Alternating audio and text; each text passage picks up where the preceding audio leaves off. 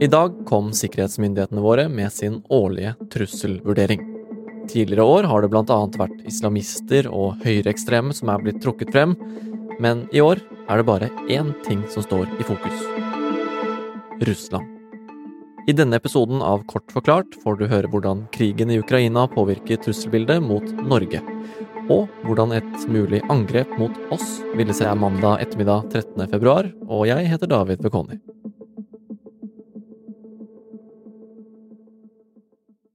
Statsråder, representanter fra pressen.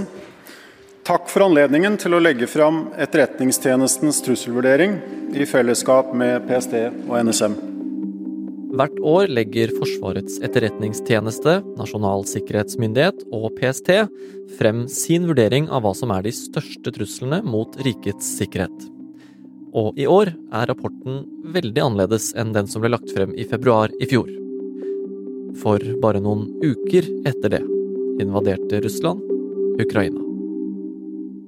Da Russland eh, gikk til krig eh, mot Ukraina i fjor, så ble også sikkerhetssituasjonen i Europa endret totalt, nærmest eh, over natten. Andreas Bakkefoss er journalist her i Aftenposten, og kom akkurat tilbake fra pressekonferansen der årets trusselvurdering ble lagt frem. Tidsskille er det riktige ordet. Det er ingen vei tilbake. Russlands invasjon markerer et varig brudd med Vesten. Det er eh, også Russland som pekes ut som eh, sikkerhetsfare nummer én for Norge av eh, både Etterretningstjenesten og Politiets sikkerhetstjeneste. Og invasjonen har jo også gjort det tydelig hvilken trussel Russland kan utgjøre mot eh, Norge og også Nato. Og i år så gikk også E-tjenesten langt i å snakke om hvordan et potensielt da, angrep mot eh, f.eks. et Nato-land og Norge ville se ut dersom krigen skal eskalere. Og hvordan ville et sånt angrep eh, sett ut, da? Det er jo viktig å huske på at E-tjenesten anser risikoen for at Nato skal bli involvert i krigen som lav, men dersom det skulle skje, så kan jo også Norge raskt bli involvert. Russland så jo for seg en kjapp seier i Ukraina. De skulle rulle inn og så overta landet og så styre Ukraina som de ville. Og de trengte jo da at alt i landet fungerte. Eh, vannforsyninger, strøm, eh, annen eh, sentral infrastruktur. Men ifølge E-tjenesten så vil jo en krig mot et land som f.eks. Norge da, se ganske annerledes ut. Det vil handle om å hamre løs med skal vi si, ildkraft som kan gå langt, og som kan treffe konkrete mål med høy presisjon. Eh, i Norge. Man vil jo fokusere på å slå ut det som kalles sentral infrastruktur, f.eks. Eh, olje- og gassinstallasjoner, strømnett, telefonnett, eh, vannforsyning.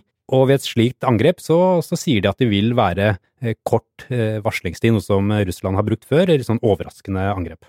Russisk militærdoktrine vektlegger rask ødeleggelse av kritisk sivil infrastruktur.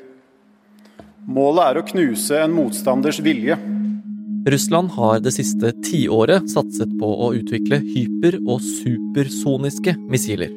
Det er missiler som flyr opptil ti ganger lydens hastighet, og kan ha en rekkevidde på flere tusen kilometer. Dermed kan varslingstiden for et angrep mot kritisk infrastruktur i Norge bli veldig kort. Heldigvis mener altså sikkerhetsmyndighetene at sannsynligheten for at noe sånt skjer, er lav. Men så er det jo dette som stadig henger over oss, nemlig atomvåpen. Andreas, hvordan vurderes muligheten for at eh, Putin tar i bruk det? Nei, Det går jo ikke særlig bra for uh, verken Russland eller Putin i Ukraina, og han er jo uh, ikke kjent for å være en som innrømmer nederlag veldig lett. Uh, Russland har jo lidd store tap i denne krigen, men likevel så mener E-tjenesten at eh, faren for at eh, Putin skal ta i bruk eh, det som kalles taktiske våpen i Ukraina, er svært liten. Men bare det at Putin truer med å bruke eksempel atomvåpen, det beskrives av E-tjenesten som alvorlig. Og dette er jo noe vi ikke har sett siden den kalde krigen. Nå har vi jo snakket om et angrep mot Norge utenfra, men eh, hvordan er trusselen mot Norge fra innsiden? Nei, Når det gjelder truslene fra innsiden, så er det jo Politiets sikkerhetstjeneste, PST, som håndterer de, og de er jo også, ikke uventet, veldig opptatt av Russland og den trusselen som Russland representerer for Norge. Russland er jo blitt mye mer isolert fra resten av verden etter eh, invasjonen av Ukraina, og de har mindre tilgang til varer og tjenester, men også til informasjonsflyt. Det er mye mindre kontakt mellom eh, norske myndigheter, vestlige myndigheter og, og Russland. Derfor så er jo russerne helt avhengig av å få informasjon på andre måter. Det de kan gjøre, er jo å rekruttere kilder som har informasjon. De kan lure til seg hemmelig informasjon fra andre, eller hacke seg inn i, i datasystemer. Og det PST sier, er jo at russerne nå tar en høyere risiko i Norge eh, for å hente inn denne informasjonen, rett og slett fordi de har mindre å tape. Og de sier også at nordmenn bør være mer årvåkne nå uh, mot å la seg lure, rett og slett. Ok, så uh, hva betyr denne trusselvurderingen for oss, da, bortsett fra at vi ifølge PST bør være mer årvåkne og følge med på det som skjer rundt oss? Bør vi være litt bekymra òg? Jeg tenker jo at hele sikkerhetssituasjonen i Europa nå eh, gjør jo at vi har grunn til å være litt mer bekymret enn vi har vært de siste ti årene, kanskje.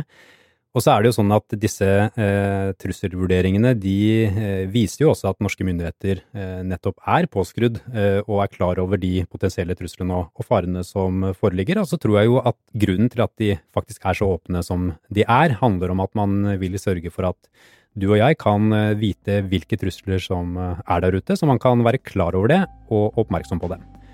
Og så kan man gå videre i dagen sin og ikke miste nattsøvnen.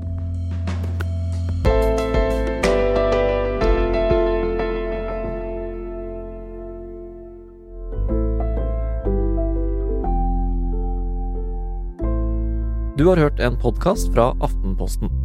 Det var Andreas Bakkefoss som kort tok oss gjennom sikkerhetsmyndighetenes trusselvurdering. Du har hørt lyd fra regjeringens nettsider. Episoden er laget av Jenny Førland, Trond Odin Johansen og meg, David Vekoni. Og resten av Forklart er Philip A. Johannesborg, Synne Søhol og Anders Weberg.